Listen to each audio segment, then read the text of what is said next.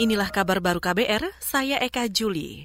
Saudara vaksin COVID-19 buatan perusahaan Sinovac Tiongkok mulai tiba di sejumlah daerah. Vaksin itu didistribusikan perusahaan negara PT Bio Farma ke 34 provinsi di Indonesia.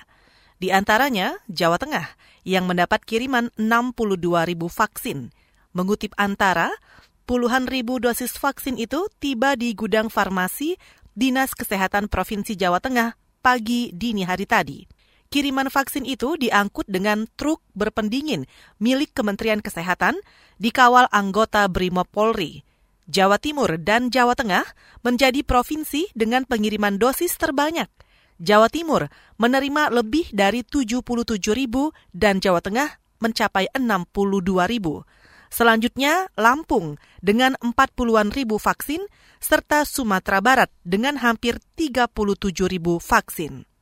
Saudara pemerintah Provinsi DKI Jakarta memutuskan tidak membuka sekolah tatap muka di awal tahun ini.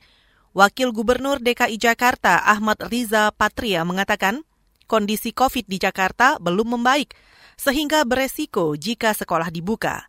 Berdasarkan data Dinas Kesehatan DKI, penambahan kasus COVID-19 di Jakarta masih di kisaran 1.000 orang per hari.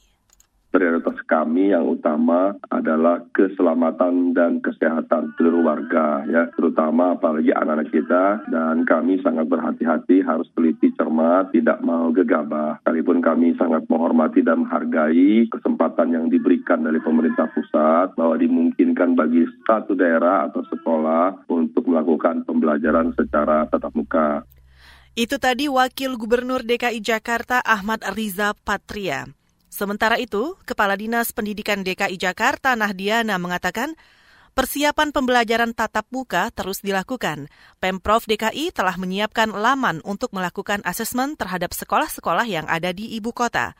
Hasil dari penilaian itu akan dijadikan dasar bagi Dinas Pendidikan untuk menerapkan pembelajaran campuran, yakni tatap muka dan daring. Kita ke mancanegara. Pemimpin oposisi Inggris menyerukan penguncian wilayah secara total setelah angka harian COVID-19 mencapai 50 ribu kasus.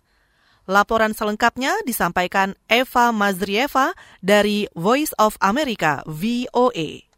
Pemimpin kelompok oposisi di Inggris, Keir Starmer, hari Minggu mendesak Perdana Menteri Boris Johnson untuk memperlakukan kebijakan penutupan wilayah atau lockdown dalam 24 jam ke depan. The virus is clearly out of control and Uh, Pemimpin Partai Buruh itu mengatakan virus ini jelas tidak terkendali dan tidak ada gunanya Perdana Menteri Boris Johnson mengisyaratkan bahwa pembatasan lebih jauh akan diberlakukan dalam satu, dua, atau tiga minggu lagi.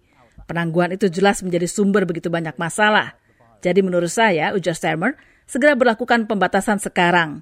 Pembatasan nasional dalam 24 jam ke depan. Ini akan menjadi langkah untuk mengendalikan virus ini. Do it now. That's the necessary first step to get the virus back under control. Pernyataan ini disampaikan ketika hampir 55 ribu warga Inggris diketahui positif COVID-19 pada hari Minggu ini saja. Hari ke-6 secara berturut-turut di mana kasus harian melampaui 50 ribu kasus. Saya Famas Reva, VOA, Washington. Saudara demikian kabar baru, saya Eka Juli.